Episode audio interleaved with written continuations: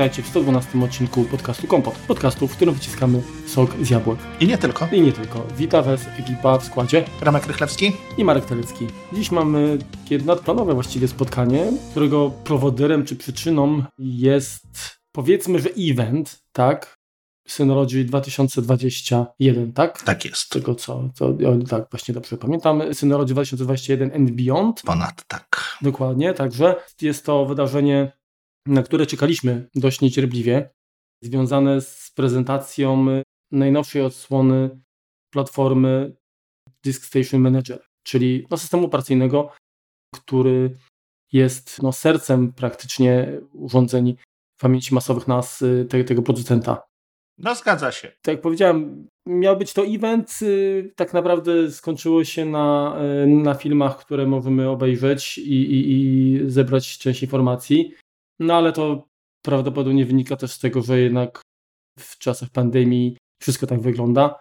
No tak, no nasz, z racji tego, że, że naszym partnerem, sponsorem jest Synology, to przyglądamy się troszeczkę bliżej temu, co co oni również robią. I tak jak Marku mówiłeś, bardzo czekaliśmy już na, na Synology DSM 7.0, ponieważ on tak, no, chyba ma rok opóźnienia, no, albo przynajmniej już rok temu był zapowiedziany, że, że już za chwilę ma wyjść. No niestety kwestia pandemii troszeczkę, troszeczkę to przesunęła, ale wiesz co, no tutaj akurat lepiej zrobić dobrze, niż zrobić na czas. Jestem, no, jestem właśnie, akurat tego... Dokładnie tego... to chciałem też powiedzieć, bo mając na uwadze na przykład to, co się działo chociażby system macOS, tak, no Katalina uważam, to w ogóle nie powinna się pojawić, to taka, taka wista chyba na, na, na naszym poletku. Uh-huh. Natomiast no, Big Sur jest zdecydowanie bardziej dojrzałym produktem i jeżeli ten DSM w końcu jak, jak trafi w, tutaj na nasze urządzenia, które jakby nie patrzeć, one nasy są tutaj prawdziwymi urządzeniami, które zawiadują ogromnymi ilościami danych, więc ta Tu nie ma miejsca na pomyłki. Tak, tu nie ma, to jest właśnie mission critical, tak?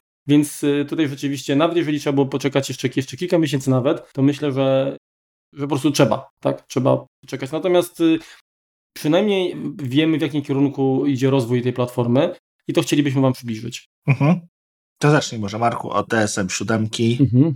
Co tam pani Jasmine Wu? Tak, Jasmine Wu, bardzo młoda kobitka właśnie, nie wiem, kurczę, skąd y, takie atrakcyjne dziewczę został wyposażony w taką, taką wiedzę. No ale okej, okay, rozumiem, dział marketingu nie musi pewnie wszystkich technicznych zawiłości znać, chociaż trzeba przyznać, że rzeczywiście język użyty prze, przez panią Jasmine był y, no, mocno techniczny, ale tylko tak powiedziałbym powierzchownie, bo gdzieś tam mi brakło troszeczkę takich wyjaśnień, tak? Ale jak rozumiem. No to się postaramy nadrobić troszeczkę. To się postaramy na, na, nadrobić dokładnie. A poza tym myślę, że jak już trafi w nasze ręce beta, to dużo łatwiej będzie. Albo już pełna wersja nawet. Albo pełna wersja, to dużo łatwiej będzie jakby się odnieść do, do takich rzeczy. Natomiast oczywiście e, przybliżymy to, co zostało zapowiedziane, tak? Konferencja online, w związku z czym gdzieś tam nagrana wcześniej, tak? Takim, takim hasłem przewodnim rozwoju platformy są cztery wyrażenia, tak? Użyteczność, niezawodność, wydajność i skalowalność. Mhm. Tak? Na tym się y, firma skupiła rozwijając DSMA w wersji 7.0. Chodzi przede wszystkim o to, żeby było łatwe w obsłudze, żeby oferowało mnóstwo opcji, żeby informacje, które otrzymuje użytkownik były przejrzyste i klarowne i żeby interfejs był spójny tak? na, na, na wszystkich mhm. urządzeniach i we wszystkich miejscach. Generalnie, jeżeli bawiliście się wersją demo wcześniejszej, poprzedniej wersji, czy aktualnej wersji DSMA, Y, bo ona jest dostępna na witrynie Synology, a my nie, nie, niejednokrotnie linkowaliśmy. Tam, no to, to wiecie, że ten system naprawdę jest intuicyjny, ładnie zaprojektowany. Zgadza się. I tutaj generalnie można powiedzieć, że w tym samym kierunku, cały czas jakby mocno się trzymają tego kursu, tak? Teremku chyba stwierdziłeś, że y, interfejs, y, przynajmniej tapeta, bardzo przypomina bardzo takie widzę nawiązania do Big Sura. Jeśli mhm. chodzi o kwestię palety barw czy, czy, czy, czy ikon, może niekoniecznie, tak? Jest to nie, nie nazwijmy tego zżynaniem, tak? Tylko, tylko jest to jakaś tam inspiracja, czy no jest to zachowanie podobnych trendów, powiedzmy. Mhm, no, ja miałem takie skojarzenie z tapetami z IS-a 9. Mhm. Akurat tam też, też, też taki podobny ale to nieszczęsne, bo wiadomo, że interfejs to, to jest tylko, tylko, że tak powiem, opakowanie. Natomiast Dokładnie. rzeczywiście, y, w zależności od tego, jak to opakowanie jest zaprojektowane, y, tym łatwiej lub trudniej dostać się do, do istotnych y, funkcji. I generalnie tutaj pani Jasmine skupiła się przede wszystkim sposób logowania. Do tej pory było tak, że system DSM wspierał TUEFA. Two-step, tak, TUEFA. Tak. Mhm. Natomiast poszli dalej, także w tej chwili jako, jako kolejny krok e, e, MFA zostało wykorzystane coś, co Synology nazywało Secure Sign-In i to polega na tym, że mm, znaczy to jest rozwiązanie, które właściwie znamy z, również z innych usług. Także Secure Sign-In polega na tym, że nie musimy pamiętać hasła żadnego, dlatego że autentykujemy się z poziomu aplikacji na telefonie. Tak, czyli generalnie ten, ten nasz telefon jest takim tokenem, który, no, jeżeli mamy przy sobie, to możemy zatwierdzić, że, że my to my, tak? I, i, i to no, jest na pewno dużo, dużo bardziej wygodne. No część z tego, co, z tego, co część kont nie biznesowych, tylko prywatnych Microsoftu też czegoś takiego wymaga, tylko wystarczy stwierdzić, że tak, rzeczywiście to, to my się logujemy. Szczególnie jeżeli to jest jakaś tam weryfikacja już taka, gdzie wstępnie byliśmy jak gdyby zatwierdzeni jako użytkownik. Dokładnie. Znaczy ja na przykład mam takie ustawione y, w, y, na Google, tak, że jak się loguję, no to ci mam w przeglądarce zapisane hasło, ale mimo wszystko jeszcze pojawia się monit mhm. w aplikacji Google na, na telefonie z, pytaniem, czy, czy próbuję się zalogować, zatwierdzam i w tym momencie jakby jest, jest yy, no, autoryzacja pełna przeprowadzona. Mhm. Także fajna rzecz. I szybka i dość bezpieczna. No. Dokładnie, dokładnie. Także, także dobry, dobry kierunek, dobry ruch. Kolejna rzecz, którą y, tutaj, y, na, na którą nacisk położyła, to kwestia odbudowy macierzy, tak? Z uwagi na uszkodzony dysk, albo y, nawet nie tyle na uszkodzony dysk, co powiedzmy wymianę, bo chcemy powiększyć miejsce w, w macierzy, tak? Czyli mhm. chcemy powiedzmy wymienić dyski na, na, na, na większe, to w DSM 7.0 wspierane będą funkcje drive replacement i auto replacement. Wymagają one zatoki, takiej wolnej zatoki na zapasowy dysk, który wkładamy i w tym momencie możemy wskazać, który dysk, albo ten, który wymaga, czyli powiedzmy jakiś tam uszkodzony, tak, będzie replikowany na, na ten dołożony dysk, albo któryś, który chcemy po prostu wymienić. wymienić. Mhm. Także znacznie to przyspiesza całą operację i powoduje, że jakby, bo normalnie odbudowa macierzy, zwłaszcza jeżeli y, to, to nie jest powiedzmy tam mirroring, tylko, tylko jakiś RAID rozbudowany, to jest tak, że te dane są rozlokowane na, na każdym... Cyklicznie na wszystkim. Praktycznie, no, na wszystkich. I to powoduje, że odbudowa jest raz, że czasochłonna, dwa, że, że wymiana czy odbudowa macierzy po wymianie dysku to jest też jakby obciążenie dla tych y, dysków, bo te dane muszą znowu się, że tak powiem, przynosić, tak? Mhm. Więc tak naprawdę też zużycie tych dysków y, no jest przyspieszone, tak? Każda taka operacja to jest, ma jakiś tam wpływ na żywotność. No i przez tą chwilę, kiedy, kiedy odtwarzamy, tak, jak gdyby wyjmujemy z żywego rajda dysk i wymieniamy na większy, no to w tym momencie musimy też pamiętać, że no, nasze dane podczas e, całego procesu tej odbudowy nie są zabezpieczone. Mhm, dokładnie, także, także tutaj e, zdecydowanie, zdecydowanie na plus. E, I tu mnie bardzo ciekawi jedna kwestia, czy będzie możliwość również, nie wiem, podłączenia tego dysku w obudowie USB gdzieś na zewnątrz. Tak, no jeżeli w tym momencie mam pełnego, pełnego NASA, to czy będę mógł sobie właśnie gdzieś tak jakby z boku po jednym tym dysku y, dokładać i, i wymieniać. A widzicie, ci zadam jeszcze inne pytanie. Mhm. Bo faktycznie mówi, niejednokrotnie jakby mówiliśmy o tym, ale ja nie pamiętam, czy, czy akurat tę kwestię poruszaliśmy, bo rzeczywiście można y, podłączyć dysk zewnętrzny w obudowie USB, tak? Tak do macierzy i w tym momencie y, możemy go potraktować jako, jako poszerzenie puli? W pewnym sensie tak. Tak, możemy go dalej, dalej udostępnić. Okej, okay, dobrze. To teraz drugie pytanie, czy skoro wybrane modele de, y, DeckStation mhm. mają złącza mm, SATA, tak. teoretycznie dałoby się znaleźć obudowę y, zewnętrzną z takim złączem również, prawda? Tak. Czy jak podłączymy jakikolwiek dysk to też tak samo zadziała? Też, też da się? Czy, czy, czy, czy to tylko muszą mieć te moduły, jednostki rozszerzające od Synology? Wiesz co, powinno działać, tego akurat nigdy nie sprawdzałem, nie miałem takiej jednostki rozszerzającej. Przy czym wiesz, no dalej, jeżeli podłączamy, wracając jeszcze do tego, jeżeli podłączamy pod USB dysk, no to on nie może być częścią jakiegoś rajdu, tak? On jest sam sobie. Mhm. Więc tutaj. E, no to, no to nie, to w takim wypadku chyba się nie da, bo, bo skoro w DSM-ie 6.2 tak, tak, natomiast w DSM-ie 7, jeżeli to będzie jakoś tam rozszerzone, no to byłoby, byłoby miłe. Mhm. No okej, okay. tak czy inaczej widać, że zdecydowanie położyli nacisk na to, żeby przyspieszyć operację naprawy, żeby to się działo też automatycznie.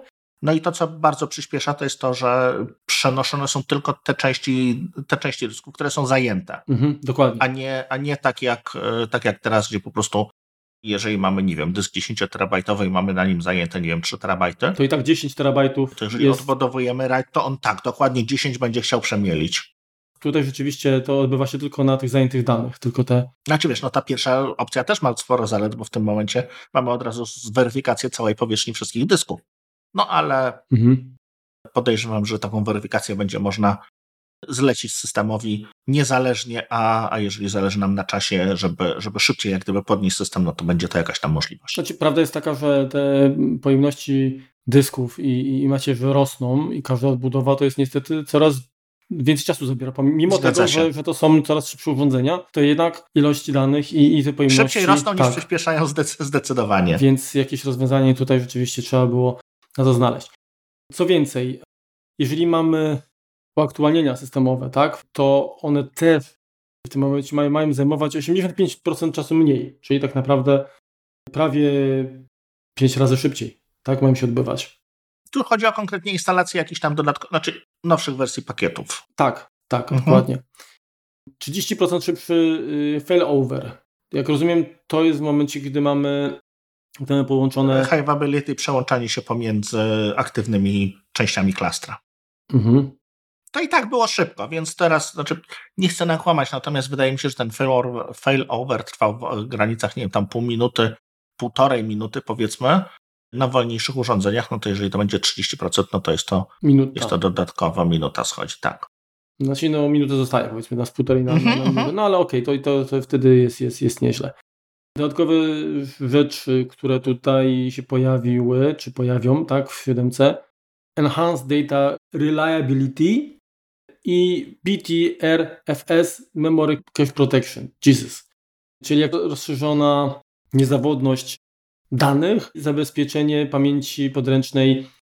Generalnie chodzi o co? Jeżeli mamy maszynę typu NAS UC3200, mhm. czyli NAS, który ma dwa kontrolery, to informacja, która jest koszowana, jest automatycznie duplikowana, czy replikowana na, na, drugi tak. kontroler, mhm. po to, żeby w razie powiedzmy przerwy w zasilaniu to, co wiadomo, standardowo, to, co w cache'u jest, to może, może zostać utracone, tak? Natomiast ta, ta replikacja ma jakoś zabezpieczyć i pozwolić na to, żeby skeszowana informacja, żeby trafiła później na, na, na właściwe, do właściwej przestrzeni tej pamięci, niezależnie od, od czego coś wydarzy.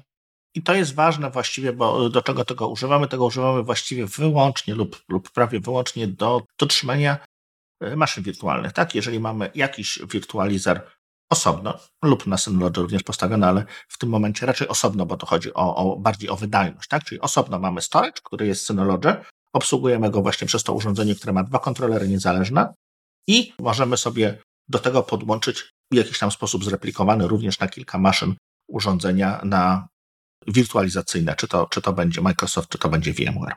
Mhm. Czy już takie bardziej poważniejsze poważniejsze zabawki dla, dla większych chłopców i dziewczynek. tak, na przykład pani Jasmine. Co więcej, mm, rajd szósty ma być aż 80% szybszy. Przypomnij, Remku, rajd szósty, jak wygląda, ile tam dysków jest potrzebne? Jakby dwa dyski tracimy na redundancję, czyli minimum to są cztery dyski i możemy utracić z puli dwa, dwa dowolne. To jest aktualnie według ludzi mądrzejszych ode mnie zalecany poziom rajdu, jeśli chodzi o wielkość, e, wielkość i czas odbudowy, tak? Czyli chodzi o to, że w momencie, kiedy mamy jakąś awarię, to musimy doprowadzić do jej usunięcia, nim kolejny dysk nam poleci. Więc tutaj mamy, mamy jakby, pomimo awarii, mamy jeszcze zabezpieczenie tego, że jeden dysk, wyleci, jeden dysk wyleciał, powiedzmy, ale dalej mamy bezpieczeństwo i dalej mamy dostęp do danych i dalej jeszcze jeden może powiedzmy wylecieć i będziemy mieli cały czas komplet, komplet danych. Mhm. No okej, okay, tak, tak czy inaczej 80% szybciej ma to się odbywać i nawet gdy będzie jakaś awaria, tak, czyli że któryś z, z dysków powiedzmy padnie, to i tak i tak Macierz ma zachować 70%, znaczy ma być 70% bardziej wydajna niż, niż dotąd. tak? Mhm. Czyli, czyli nadal jakby ten dostęp do, do danych powinien być stosunkowo szybki.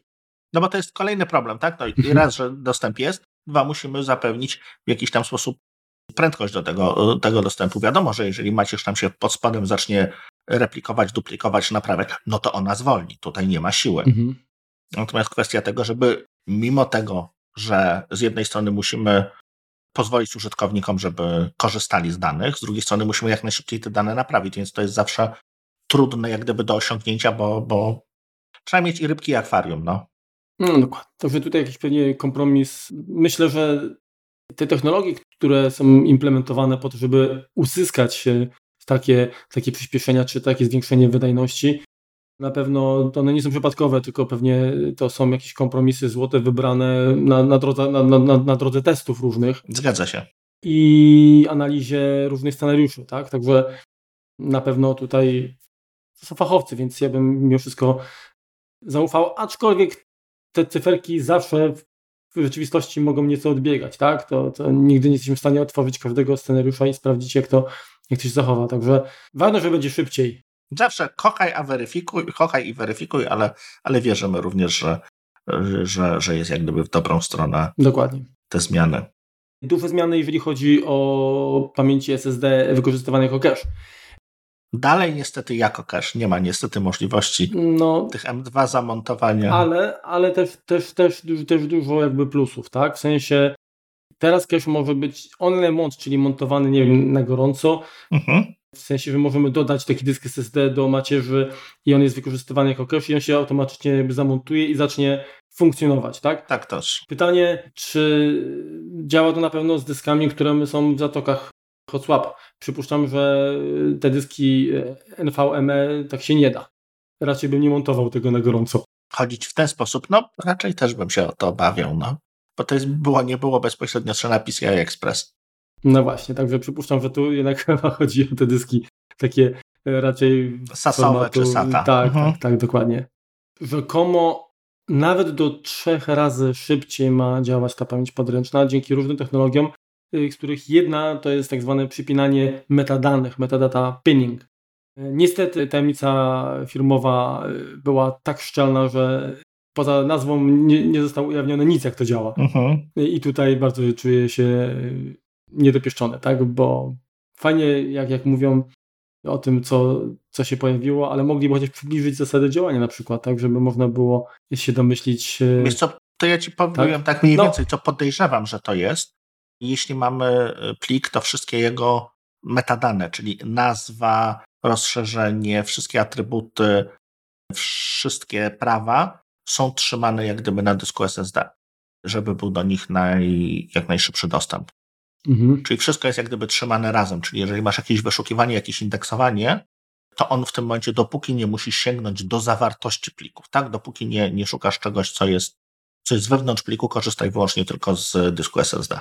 Okej, okay, ale jeżeli chodzi o sam transfer, to już za dużo pewnie tam nie zmieni. Tak jak mówię, to indeksowanie, wyszukiwanie, tutaj na pewno tak, ewentualnie jakaś, nie wiem, analiza, zarządzanie tak plikami, no mhm. no jeżeli to będą zdjęcia, powiedzmy, czy coś, to na pewno skorzysta, ale no tak, będzie znał powiedzmy rozmiar. No to już, tutaj. Tak, to, nie, to, nie, to nie, to, to mhm. już musi grzebnąć okay. do, do, do, do, do, do, zwykłych dysków, czy do, do tego głównego sto, storage'u.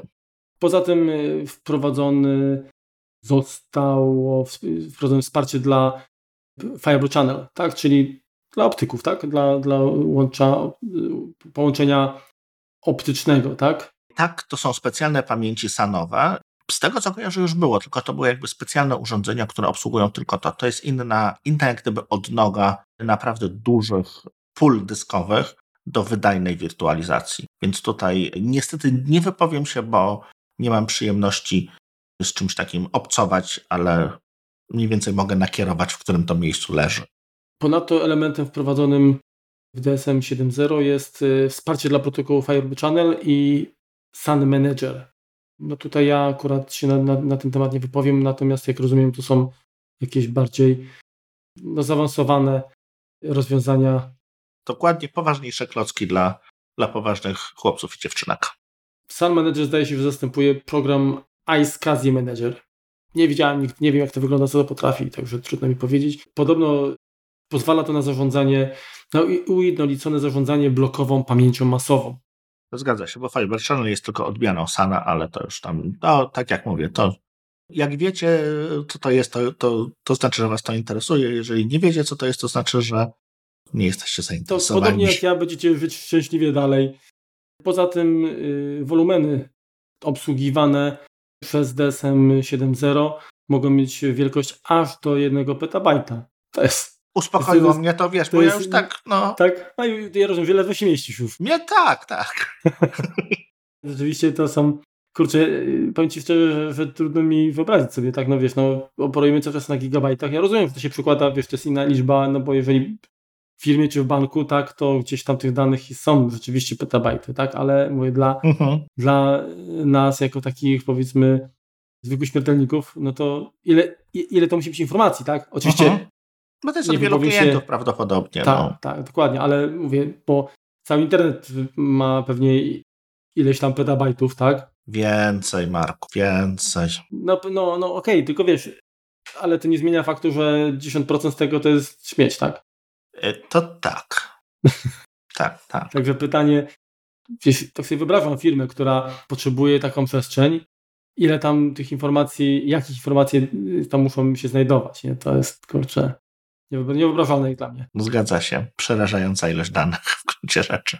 Kolejna rzecz to tak zwany Global Deduplication, tak? To ma być wprowadzone dopiero jakoś w 2021 roku dokładnie. Mhm. Do tej pory było tak, że deduplikacja była na poziomu, czy na poziomie aplikacji, tak? Tak.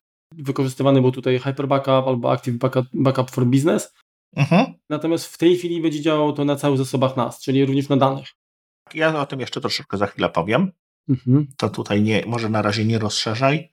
No i w zasadzie na koniec, na, podsum na, na podsumowaniu tej części, to, to pani Jasmine stwierdziła, że od września tego roku ponad 6 tysięcy testerów uczestniczyło w programie DSM 7.0 Preview, dzięki któremu wprowadzono też pokaźną liczbę, bo też ponad 6 tysięcy poprawek i udoskonaleń. Także, Czyli jeden tester na jedną poprawkę. No, także nie, nie byli kreatywni, ale uzbierało się troszkę ciekaw jestem, ciekaw jestem naprawdę, jak, jak to się będzie zachowywało i, i faktycznie, czy już wersja, powiedzmy, ta 1.0 taka finalna, oficjalna, mhm. finalna, tak, czy, czy, czy będzie wolna od nie tylko tych 6000 błędów. No i teraz tak, widzicie, bo my mamy taki troszeczkę problem czasem wewnętrzny, bo z jednej strony chcielibyśmy być beta testerami czy deweloperami, natomiast w pewnym sensie nas to ogranicza, tak? Więc my staramy się na razie nie uczestniczyć lub uczestniczyć na tyle w tych programach, żeby, żeby po prostu nas to nie blokowało w możliwości przekazania Wam wiedzy. Bo to też pamiętajcie, że jeżeli na przykład bylibyśmy w tym programie Synology beta, no to nie moglibyśmy nic na ten temat Wam powiedzieć właściwie do dzisiaj. Dokładnie. A ja ze swojej strony tylko powiem, że my też staramy się jednak być lekkostrawni, tak? Chcielibyśmy oferować dużą dawkę wiedzy, ale nie dla wybranej garstki, która e, specjalizuje się w temacie, tylko dotyczy do wszystkich. Także też moglibyśmy Was tutaj zarzucić pewnie jakimiś technikaliami. Cyferkowym porno, tak zwanym. Które przydadzą się, nie wiem, administratorom w dużych korporacjach, a tu nie o to chodzi, tak? Dlatego staram się wyłuskać to, co może być przydatne i pomóc Wam na przykład w zakupie y, czy wyborze urządzenia. Dokładnie. To teraz troszeczkę odejdę od tego, tak, bo mamy do opowiedzenia. Chciałbym opowiedzieć o Hybrid Cloud, który przekazał nam pan Brad Kamiński, który jest sales managerem w Synology US. I to będzie troszeczkę technicznie, natomiast postaram się to zrobić w maksymalnie łatwostrawny sposób. Także Remek mówi, a jak zacznę ziewać, to Remek przyspiesza wtedy, zobaczycie. Dokładnie. Więc Hyper Cloud, czyli takie połączenie troszeczkę chmury lokalnej, czyli storage'u lokalnego, danych lokalnych i chmury jako takiej zdalnej łączył ze sobą wady i zalety tych, tych dwóch. Podejrzewam, że jeżeli chodzi o zalety trzymania danych lokalnie, to jesteście w stanie podać nawet ich więcej niż ja, natomiast to, na co zwróciło uwagę Synology, to jest prywatność, tak? To nigdzie nam nie wyłazi, nigdzie się nie wysyła, jest to u nas, nie wychodzi z budynku, jest to prywatne. Z drugiej strony wydajność, tak? No jest to tak, tak szybkie, jak mamy sieć, jak mamy naszego NASA, czy serwer do backupu, więc nie, nie jest to zależne tam od wydajności naszego łącza internetowego, zapchania sieci, czy, czy w ogóle wydajności CDN-a gdzieś tam. No i cena, tak? No dlatego decydujemy się na y, kupno NASA. Tak jak y, przedstawialiśmy Wam przeliczenie kilka odcinków temu, czy lepiej kupić NASA, czy lepiej płacić na przykład firmie Apple za, za iClouda. No to wychodziło nam, że w ciągu dwóch, trzech lat jesteśmy w stanie, wydając te pieniądze, które, które byśmy płacili w abonamencie, inwestując je jednorazowo, jesteśmy w stanie zapewnić sobie na 2-3 lata jak gdyby zwrot tej inwestycji. Więc jest to, y, jest to dość, dość fajne, tak? I jeszcze w tym momencie mamy jakieś zabezpieczenie. Tak? Kolejna sprawa, gdzie cloud jest lepszy, no to tutaj no brak inwestycji wstępnej, tak? Czyli możemy zacząć od zera, nie musimy na dzień dobry wywalić jakichś tam pieniędzy na dyski, jakichś tam pieniędzy na, na nas, tylko po prostu działać, przychodzimy, startujemy, włączamy i, i mamy dostęp do tak, nie wiem, tych dwóch terabajtów danych, które są nam potrzebne, bez jakichś tam dodatkowych zakupów. Pod warunkiem, że mamy dostęp do internetu. Dokładnie. Dokładnie tak. No ale też dodatkowy plus jest tego, że mamy dostęp do, każdego, do tych danych z każdego miejsca. Tak? No jeżeli mamy backup lokalnie, no to musimy i potrzebujemy mieć do niego dostęp z jakiś tam zdalny, tak? Czyli mamy prac, pracowników, którzy pracują teraz w jakimś tam home office, no i nagle okazuje się, że no stracił jakiś plik, bo nie zapisał, ale wczoraj to jeszcze pamiętał, że on był, no więc trzeba mu w jakiś sposób umożliwić pobranie tego pliku, więc trzeba mu jakiś tam dostęp zapewnić. Jeżeli chodzi o cloud, odpada nam ten problem, po prostu ma do nich dostęp bez, bez naszej ingerencji. No i to, czego nie jest w stanie zapewnić lokalny backup, to jest skalowalność, tak? No, posiadając nieograniczone ilości gotówki, tak, no możemy wtedy sobie kupić jak chcemy, co chcemy i, i kiedy chcemy, natomiast no, w biznesie coś takiego nie występuje, zawsze jesteśmy ograniczeni, więc tutaj to, że dziś potrzebujemy terabajt, jutro dwa, a pojutrze dziesięć, jesteśmy w stanie przy, przy pomocy tego backupu chmurowego zapewnić. No i co Synology oferuje w tej dziedzinie? Tak jak mówiłem, hybrydę. Czyli tak jak, tak jak mamy samochód hybrydowy, z jednej strony fajny, ekologiczny bon, bo na prąd, ale jednak jak trzeba gdzieś dalej pojechać, to dolewamy benzynę i tutaj mamy mniej więcej podobną analogię tej hybrydy.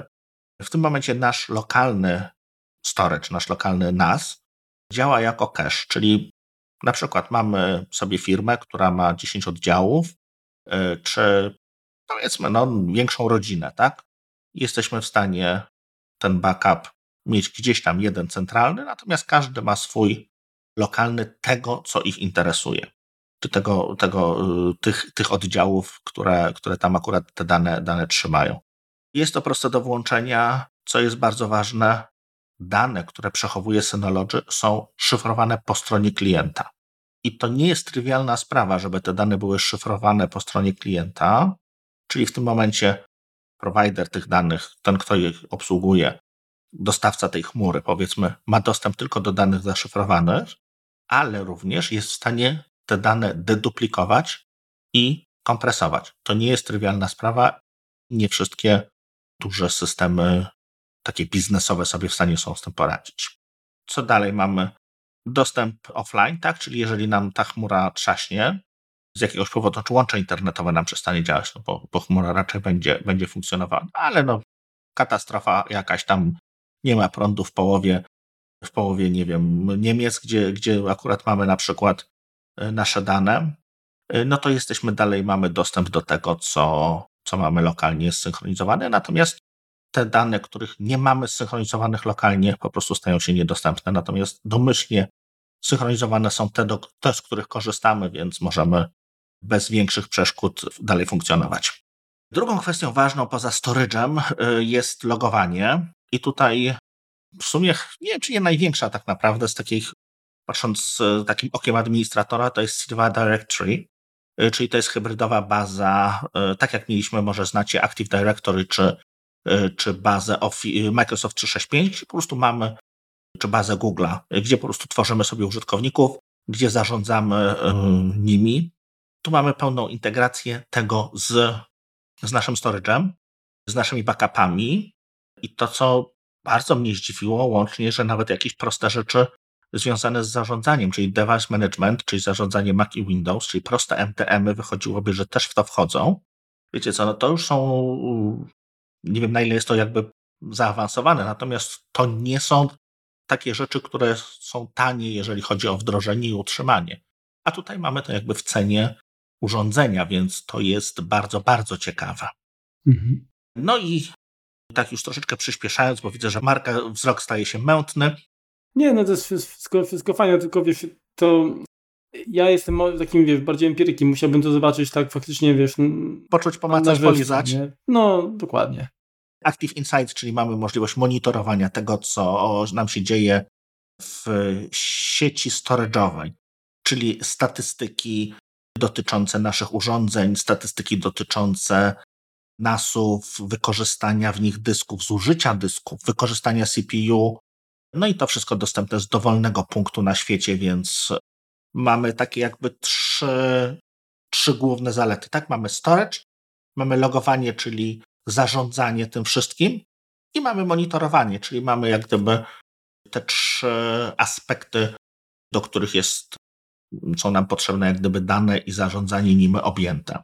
Więc tak, to jest pokrótce to co, to, co dla administratorów może być ciekawe, bo tak jak mówię, to w wielu miejscach, jeszcze raz nie wiem na ile jest to zaawansowane, natomiast w wielu miejscach są to systemy, które kosztują naprawdę nietrywialne pieniądze. Tutaj ono jest dostępne z dobrodziejstwem inwentarza w, w sprzęcie, tak? Czyli musimy jakiś tam sprzęt zakupić i resztę mamy gratis. To, to jest naprawdę duża. Rzeczywiście, jest duża rzecz, tak? To mówię, to, i to jakby nie patrzeć dla użytkownika końcowego, który będzie korzystał z tego, to pewnie powinna być przezroczysta. Tak, to właśnie, a natomiast dla osoby, która tym będzie zarządzała, no to na pewno będzie to duży, duży plus, bo tak jak mówisz tutaj, kwestia zarządzania tymi użytkownikami i, i, i podglądu, co się dzieje z maszyną. To jest zawsze jakiś ból głowy dla administratora. Tutaj no właśnie. wygląda to, że to taka etopiryna od Synology dla administratora. No, znaczy na pewno fajny jest też ten monitoring, tak? Bo on jest dosyć e, szczegółowy, tak? Mhm. Także nawet e, podgląd statystyki smart e, dla każdego dysku tam z tego, co, co tak, tak. Jest, jest od, od, ogółu do szczegółu można się doplikać. Mhm. Rzeczywiście wygląda to fajnie. Nawet będąc gdzieś tam, nie wiem, po drugiej stronie globu, ten, ten na pewno są no, te notyfikacje też połączone, w związku z czym wiemy, że ok, w tamtym, tamtej macierzy tamten dysk y, już szwankuje i można powiedzmy, czy zlecić tam nie, komuś na miejscu, tak, wymianę mhm. fizyczną dysku, czy, czy jakoś tam zareagować, albo, albo nie wiem, wykonać jakąś inną operację, która umożliwi jakby płynne przełączenie, tak żeby nie było żadnych przystojów. Mhm. Na, pew na, pewno, na pewno super rzecz. Może opowiedz Marku o fotomanagement, żeby nie zanudzać. Jasne. Fotomanagement to jest chyba takie z punktu widzenia administratora najmniej interesujące, natomiast najbardziej interesujące z punktu widzenia e, użytkownika końcowego, czyli myślę też w większości również z naszych słuchaczy, którzy będą chcieli po prostu wykorzystać NASA jako no, takie, no takie centrum danych, no. tak? Dokładnie. Fotomanagement, tak? Czyli, czyli to y, zarządzanie zdjęciami. Tutaj produkował się pan Simon Rachenbrock na, na wstępie podkreślił, jak bardzo dla firmy istotne jest bezpieczeństwo i, i przede wszystkim prywatność danych. Niezależnie od tego, czy to będą nasze, nie wiem, selfie, czy zdjęcie z urodzin u cioci Kloci, czy jakieś, nie wiem, portfolio, to wszystkie te dane muszą być e, zabezpieczone, tak? Generalnie zarządzanie zdjęciami, można jakby proces zarządzania zdjęciami e, podzielić na trzy takie etapy upload, tak, czyli, czyli no wgranie w zasadzie na, na, na tą naszą pamięć, uh-huh. później management, czyli zarządzanie właściwe, czyli taka organizacja i sharing, czyli udostępnianie. I to zarządzanie jest tutaj podkreślone jako, jako najważniejszy feature właśnie w nowej wersji. Tak naprawdę do tej pory można było korzystać z dwóch programów do, do zarządzania czy do obsługi zdjęć y, na urządzeniach Synology. Pierwszy, pierwsza aplikacja to PhotoStation, która została opublikowana w 2007 roku przez firmę. Znaczy działało, to, działało to na folderach, czyli można było organizować zdjęcia foldery, można było ustawiać takie uprawnienia dla konkretnych użytkowników i oferowało również zabezpieczenie bezpieczeństwa jakby tych linków y, udostępniających. Także to przez jakiś czas wystarczało, natomiast nie, chwilę później zaczął się boom w zasadzie na zdjęcia robione przez smartfony. Zgadza się. Prawdopodobnie, no bo 2007 to jest też jakby nie patrzeć czas, kiedy kiedy pojawił się pierwszy iPhone, tak? No mhm. oczywiście pierwszy iPhone to on tam robił zdjęcia takie, że... Teraz zabawnie. Smutek. Tak. tak. Natomiast y, dość szybko przecież to się poprawiło. Także okazało się, że ta strona jakby administracyjna, to zarządzanie zdjęciami y, jest ważna nadal. Natomiast brakowało czegoś, co pomogłoby właśnie użytkownikom, którzy korzystają, jakby łączą się też do, do nasów, pomóc w zarządzaniu ich zdjęciami, które, które bardziej, powiedzmy tak, nazwijmy to osobiście wykonują, tak? Czyli nie, nie chodziło o to, że, że mamy zdjęcia firmie dostępne dla wszystkich, ale też jak zarządzać zdjęciami, które no, każdego dnia tak naprawdę robimy. I z tego powodu w 2017 roku Synology wydało aplikację Moments, która oferowała m.in. właśnie foldery udostępnione, rozpoznawanie twarzy, chronologię, czyli takie tryb linii czasu. Natomiast po pierwsze, dwie aplikacje też takie trochę confusing, tak? Na ciebie powiem szczerze, ja też bez, bez wnikania w szczegóły się zastanawiam, po co dwie aplikacje do zdjęć, tak? Mhm. A dwa, no nadal jakby te potrzeby rosną, w związku z czym jako, jako element pakietu DSM 7.0 dostaniemy program Synology Photos. Dokładnie, które, który bardziej jest jak gdyby chyba jakby... Hybrydą, tak łączy, łączy o, o, oba programy. Ale bazuje wydaje... chyba na moment, tak jak patrzę, to on jest bardziej, bardziej podobny mm -hmm. do moment, natomiast tak, natomiast te funkcje zarządzania. Tak. Mhm. tak, funkcje zarządzania tego pierwszego zostały jakby zaszczepione czy przeszczepione do, do właśnie tej aplikacji Moments, tak? Także tutaj po pierwsze, featurem takim wartym wspomnienia to jest tak zwany smart upload, tak, czyli, czyli nowa apka na między innymi właśnie na, na smartfony, tak, umożliwiająca wygodny transfer zdjęć do NASA. Można tam ustalić też generowanie miniaturek po stronie klienta, co rzekomo ma również przyspieszać sporo późniejsze operacje. Mhm. Można również ustawić automatyczny backup, czyli pewnie będzie to coś na zasadzie, jak, jak dodamy sobie konto chociażby na, na Dropboxie, tak, to mamy opcję, czy zdjęcia mają na przykład tam się backupować automatycznie, tak, tak które tak, robimy, tak, tak, tak, tak. Także to coś, coś podobnego. Kolejna rzecz to uproszczone zarządzanie, czy właśnie simple management, tak, czyli można w różny sposób wyświetlać zdjęcia, można organizować, można je wyświetlać według właśnie linii czasu, czyli taki podgląd chronologiczny, po folderach, również po inteligentnych albumach, tak, czyli trochę mi to przypomina rozwiązanie, które mamy w aplikacji zdjęcia Y, na dokładnie, dokładnie to miałem powiedzieć. Czy, czy na Macu Photos to jest to? Tak, czyli tutaj sztuczna inteligencja pomaga jakby zidentyfikować i osoby na zdjęciach, i miejsca. Również możemy oczywiście opisać zdjęcia słowami kluczowymi i na bazie tych, tych, tych właśnie aspektów, tych elementów możemy tworzyć albumy inteligentne. Również możemy wykorzystywać te same rzeczy, tak? czyli, czyli właśnie dane jakby zindeksowane przez AI i, i, i metadane możemy wykorzystywać, czyli na przykład, nie wiem, obiektyw, jaki był wykorzystany do robienia zdjęcia, czy co tam jeszcze może być, czas naświetlania, tak, i mhm. tego, tego typu rzeczy, tak, możemy wykorzystać do wyszukiwania zdjęć, czyli to się nazywa Smart Search Filters, tak, czyli, czyli takie inteligentne filtry wyszukiwania. Także no, no. Czyli w tym momencie możemy na przykład, jeżeli nas, nie wiem, mamy pomysł, robimy kalendarz, chcemy mieć zdjęcie, panoramę gór, no to Ustawiamy, że ma być szerokokątnym obiektywem robione. No i oznaczamy albo wyszukiwanie, jeżeli to Smart AI jest w stanie wy, wyszukać nam górę, a jeżeli nie, no to po prostu wyszuki, wyszukujemy, wiemy, nie wiem, że byliśmy w Zakopanem, wyszukujemy na podstawie GPS-a lokalizację i w tym momencie mamy dość łatwo te zdjęcia wy, wysortowane w tym, tym Smart Albumie. Mhm. Albo na przykład, nie wiem, chcesz znaleźć zdjęcie, gdzie jest, y, nie wiem, twoja żona i chodzi o to zdjęcie y, robione w górach na przykład. Tak, tak dokładnie. Także możesz jakby łączyć y, kryteria, kilka różnych kryteriów i, i, i dzięki temu szybciej znaleźć pożądane zasoby. Także no, fajna rzecz. Myślę, że, że całkiem zapowiada się to, to smacznie. Wspomniałem wcześniej, że Synology mocno nacisk kładzie na bezpieczeństwo i prywatność naszych danych. I tutaj, jeżeli chodzi o y, Synology Photos, to wszystkie funkcje AI, które y, przeprowadzamy, jakby rozpoznawanie twarzy, to całość tych, tych procesów odbywa się tylko i wyłącznie na urządzeniu. Także mhm. czy, czy, czy iPad robi to, że indeksuje i sprawdza, co, kto tam jest na, na zdjęciu, tworzy te albumy. Tak samo Synology też na nasie to wszystko będzie się odbywało, czyli nie ma komunikacji, nie, nie, nie są nasze dane nigdzie wysyłane do obróbki. Także bardzo, bardzo fajnie, że też y, przerzucili jakby te działania no, na jednostkę, którą mamy cały czas jakby przy sobie. Nie jest to jakiś tam serwer gdzieś indziej, który, który dostaje nasze, nasze dane. U to jest teraz w ten sposób, że te dane są rzeczywiście rozpoznawane lokalnie na urządzeniu, natomiast są bezpiecznie synchronizowane już na szczęście pomiędzy urządzeniami, tak? Czyli jeżeli mamy detekcję twarzy, to nie ma sytuacji takiej, że osobno nasz telefon, osobno nasz Dokładnie. komputer muszą, muszą to wykonać, bo one są, są jak gdyby transmitowane, synchronizowane. Mhm.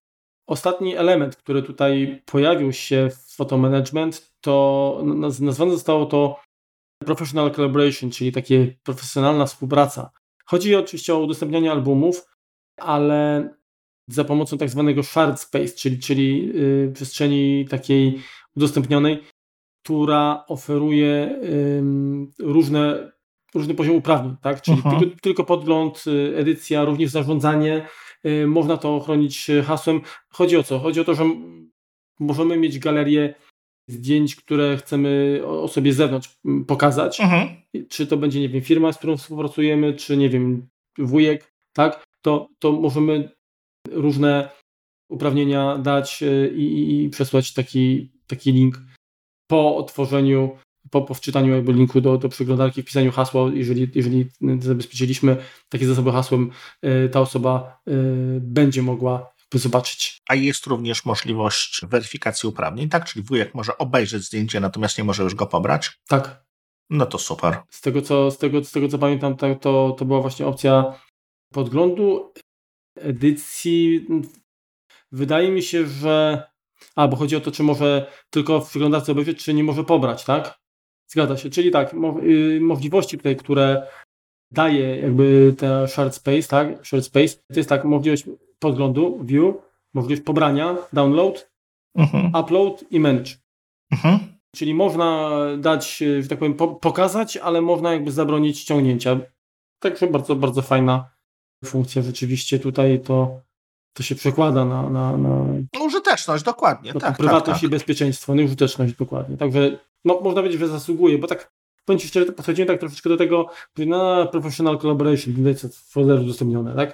No ale widać, że jednak tutaj ten poziom zaawansowania rzeczywiście jest, jest, jest wyższy, tak? A czy jest możliwość e, osobno dania uprawnień edycji, ale zabronienia uprawnień kasowania? Znaczy, poczekaj.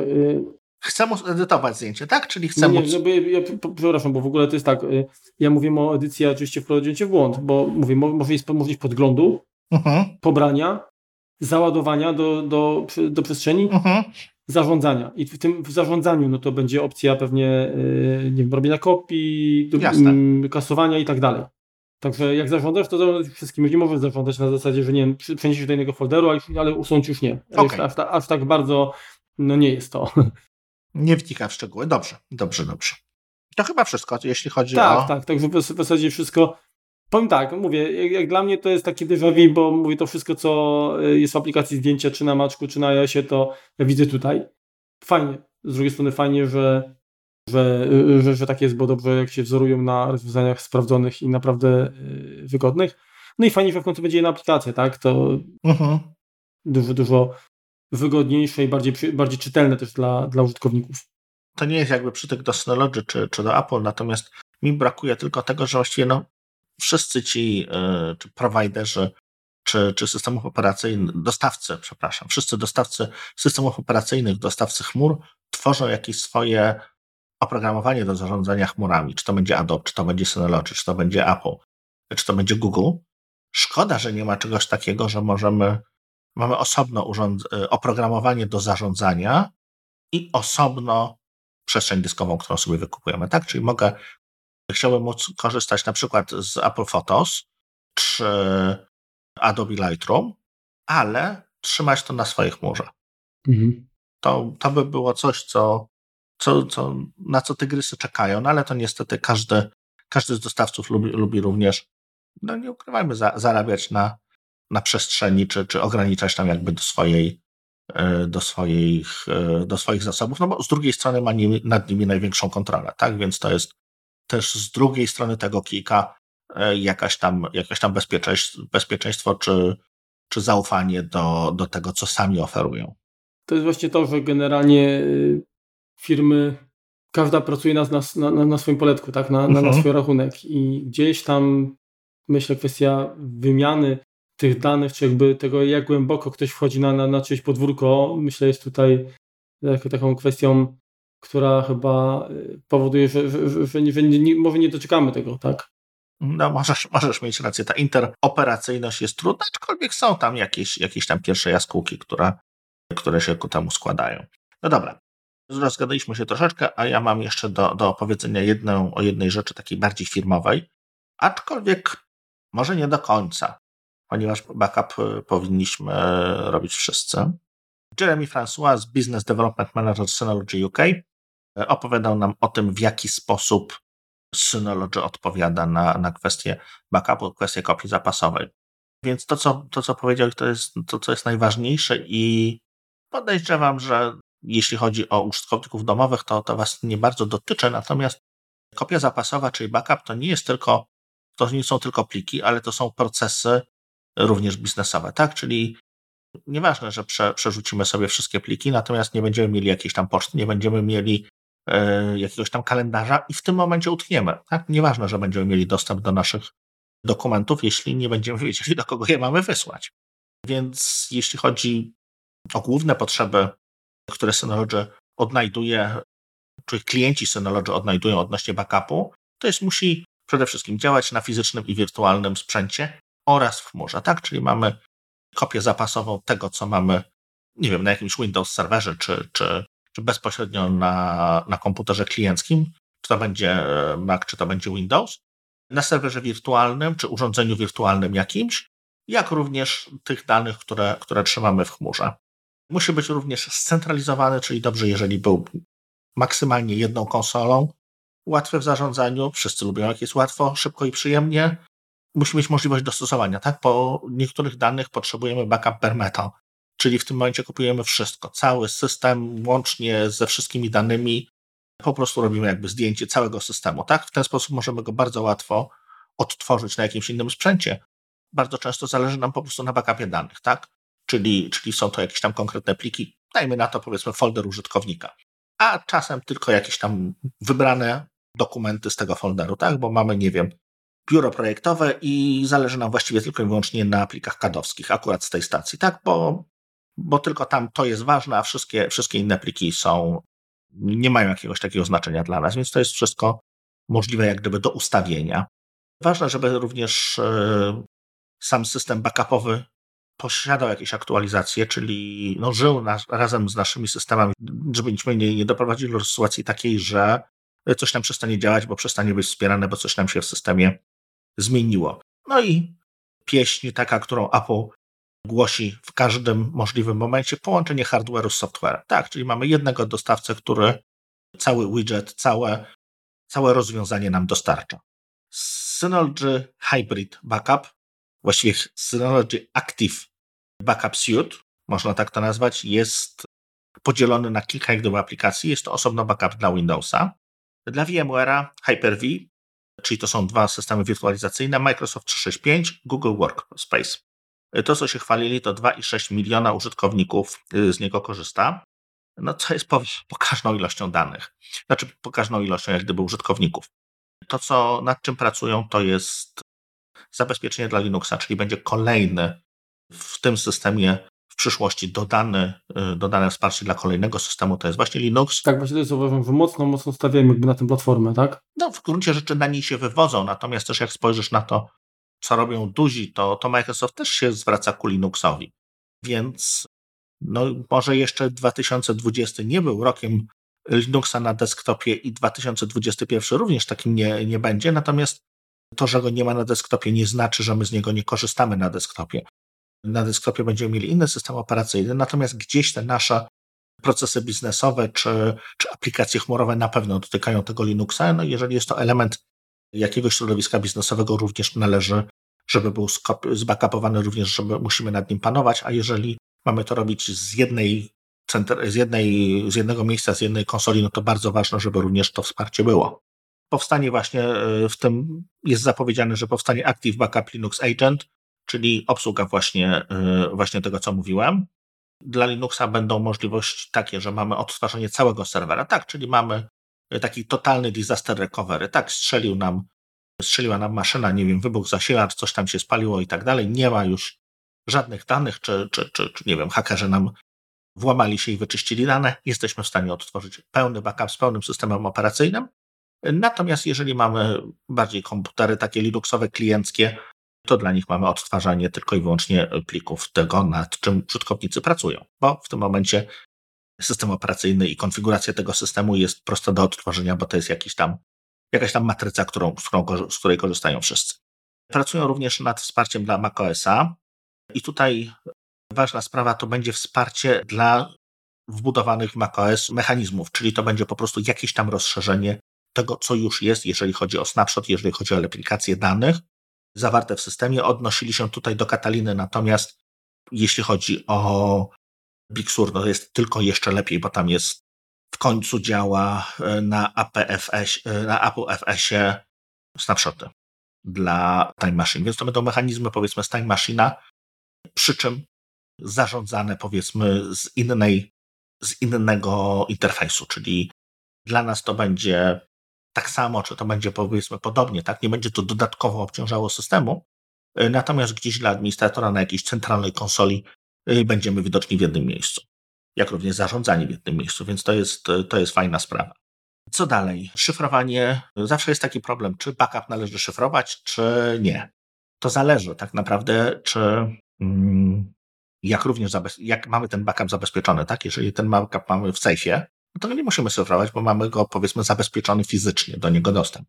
E, jeżeli natomiast ten backup mamy gdzieś w chmurze, no to trzeba być szalonym, żeby go nie szyfrować, no bo w momencie oddajemy komuś nasze dane. Więc to jest zawsze taki, taki problem. Tutaj jest szyfrowanie AS256, czyli taki właściwie standard przemysłowy, również, które działa z deduplikacją, czyli jesteśmy w stanie e, zaoszczędzić dane, bo to, co już mamy, zbackupowane, tak? Czyli powiedzmy ja i Marek pracujemy nad tym samym plikiem, mamy tę same, te same prezentacje powiedzmy u siebie na komputerze, to one nie będą trzymane dwa razy, tylko będą raz trzymane. I w momencie, kiedy po prostu, nie wiem, Marka pliki skopiują się wcześniej, do, moje nie będą już leciały w chmurę, bo od razu sobie jest w stanie stwierdzić system, że e, te dane już ma i po prostu zaznaczy, że one się tam znajdują. To jest deduplikacja, a z drugiej strony te dane, które przesyłamy, są kompresowane, więc zajmują mniej miejsca. Największą, jak gdyby, pulę klientów z tego, co, z tego, co Synology się chwaliło, posiada w jednostkach rządowych i edukacyjnych, a to wynika z tego, że jest po prostu najtańsza w eksploatacji. Tak? To nie, jest, nie ma dodatkowych, to wszystko, o czym mówiłem tutaj, to nie są dodatkowe licencje, to nie są dodatkowe jakieś rozwiązania, za które trzeba płacić tylko po prostu jest to z dobrodziejstwem inwentarza. No, poza oczywiście jakimś tam storage'em chmurowym, tak? Bo to oczywiście, oczywiście jak najbardziej, mm, jak najbardziej jest to, jest to płatne. Co jeszcze? One Click Installation, czyli to jest po prostu proste, łatwe i przyjemne. I tak jak mówiłem, Global Deduplication, czyli te dane, które mamy w jednym, nawet daję przykład taki, że powiedzmy mamy dwa desktopy, tak? Natomiast jeżeli ja mam plik, który jest również na serwerze, to on również będzie zdeduplikowany, tak? Mimo, że serwer będzie na innej maszynie, będzie powiedzmy Windowsowy, a, a ja będę pracował na, na Macu. Tak domyślnie ma to wyglądać, że dane są dane, nieważne gdzie, y, gdzie czy z którego systemu je przejęliśmy. To, co jeszcze ma wejść w tym roku, to zabezpieczenie backupu samego DSM-a, czyli DSM Protection. Będziemy mogli albo zbackupować po prostu cały na żywo nasz, nasz NAS, ewentualnie jakieś jego metadane czy, czy funkcje ustawi. E, więc to nam pomoże, jeżeli powiedzmy mamy, nie wiem, w oddziałach jakieś mniejsze nasy e, i chcemy je dość szybko e, odtwarzać w wypadku awarii. To, co jeszcze warto też powiedzieć, to jest to, że w sumie powiem szczerze, nie wiedziałem o tym. Tej, to jest może to moja wina, bo nie czytam licencji. Wielu z nas opiera się właśnie o jakieś te usługi chmurowe, tak? Czyli mamy tego Office'a, przepraszam, Microsoft 365, bo tak się to teraz nazywa, czy ten Google Workspace, czyli aplikacje Google'a i na nich trzymamy dane firmowe, na nich trzymamy pocztę. Coraz częściej jest to, czy, czy jakieś Teamsy, czy jakieś y, te, te, te rozwiązania Google'owe y, wchodzą nam do biznesu i traktujemy je jako, no dobra, jest w Microsoftie, czyli, czyli jest, tak? Natomiast no, Microsoft czy Google również ponoć wymaga od nas tego, że będziemy posiadali kopię tych danych. Czyli oni z jednej strony biorą za nie odpowiedzialność, ale tak nie stuprocentową. Więc e, tutaj to co, to, co też, to, co też wspomniałem, te backup również dla urządzeń chmur, rozwiązań chmurowych, czyli tą taką w drugą stronę. Mamy chmurę i jak najbardziej, jeśli chodzi o, o Hyper Backup, jest dobrym pomysłem i tam też mamy pełną, pełną elastyczność, jeżeli chodzi o, o to, co chcemy i dla kogo przenieść. Tak, czyli możemy powiedzmy przenieść, ja mogę przenieść kalendarz Marka, ale już jego poczty nie, natomiast pliki, pliki tak, a, a, a nie wiem, a moje, moje odwrotnie. Tak, więc tutaj możemy sobie dowolnie wybierać. Również działają grupy.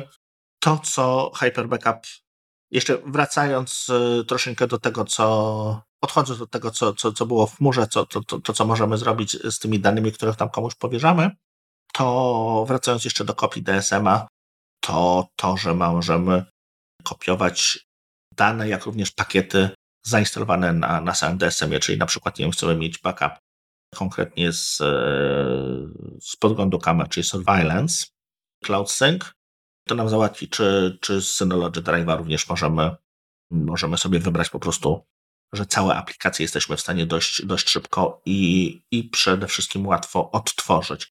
No i tak jak, tak jak wreszcie coś, co jest tak naprawdę ewenementem, jeśli chodzi o, o backup, szczególnie biznesowy, to jest brak ukrytych kosztów. Tak, płacimy za, za sprzęt, oprogramowanie mamy w, cenie.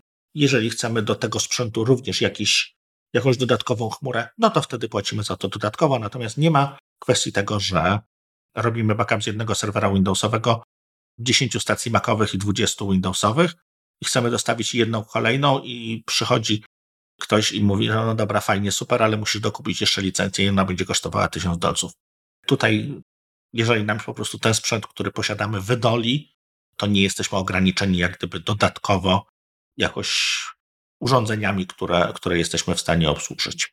Jeżeli dobrze to zrozumiałem, to generalnie to tak, takie mam wrażenie, że konto Synology, które w zasadzie każdy administrator chyba ma, tak? mhm. tak? Jest również tym miejscem, które, w którym można przechowywać wiele, wiele danych typu właśnie konfigurację tak naszych urządzeń. Czy, czyli, czyli to tak troszeczkę mi przypomina naszego iClouda, mhm. który no, możemy też mieć kopię ustawień e, z naszych urządzeń i szybko przewracać, e, otworzyć po prostu po, po jakimś, nie wiem, wymianie, padzie. Zgadza się. Także no dobra, myślę, że udało nam się przybliżyć zmiany. To, też tak jest troszeczkę lizanie loda przez szybkę, bo nie mieliśmy okazji niestety pomacać tego łapkami ani, ani poklikać myszką. Y, natomiast zapowiada się świetnie. Jak pojawi się rzekomo dziś beta powinna trafić w, w ręce użytkowników. Więc jeżeli, jeżeli tak będzie, no to bierzemy się szybciutko do do, do macania mhm. tego, tak? Do instalowania i, i macania na naszych urządzeniach. Także dziękujemy firmie Synology za to, że nas wspiera, jest tu naszym partnerem i za to, że rozwija swoje produkty, które naprawdę są godne polecenia. Dlatego to robimy. Dziękujemy Wam, drodzy słuchacze, za wspólnie spędzony czas i słyszymy się. Zgadza się, za tydzień. I teraz też jeszcze może jeszcze jedną rzecz na sam, sam koniec. Nagranie jest na gorąco, więc e, podobnie jak, e, jak ma to miejsce z e, kinotami Apple, bardzo możliwe, że my coś źle zrozumieliśmy, czy czegoś, o czym zapomnieliśmy, natomiast chcieliśmy jak najszybciej Was poinformować o tym, co się pojawiło, co nam się podoba, czy co nam się nie podoba. A nam się wszystko podoba akurat. Dokładnie. Zresztą jak będziemy mieć więcej takiego doświadczenia właśnie e, empirycznego, na pewno wrócimy bardzo. Nie omieszkamy się z, z, tak podzielić z wami. Dobrze i tak jak Marek mówił, do, do usłyszenia, dziękujemy. Trzymajcie się, cześć. Trzymajcie się. Raz, dwa, trzy, cztery. Cztery, pięć, osiem. O, teraz lepiej. 112 tak dobrze powiedziałem? Dobrze powiedziałeś. Nie, bo się zastanawiałem, czy być 112 czy 112. 112. Możesz to wyciąć, jak, jak chcecie, że, że tego. Prostu tak mi przyszło teraz do głowy, że skoro ta Rabbit Jak się nazywa, te pigułki na ból głowy są? Jak się nazywa? Goździkowa? Nie. Ta etepiryna. No spoko, wiesz co, poczekaj, daj mi 10 sekund, postaram się znaleźć tutaj. Jasne. Nie, jak chcesz, to możemy to wyciąć. Ja tak wiesz, chciałem po prostu. No ale poczekaj, poczekaj. Mhm, mhm. Flexible to jest pełną dowolność, peł, pełną... Elastyczny. No to co, podsumujmy może. Mhm. No dobra. No to ten, za, zawijaj. Mhm. Jasne. Z godzina będzie, chyba nawet nie wiem ile mamy tam na liczniku. No, godzina 11, no tak, tak powinno być coś tam.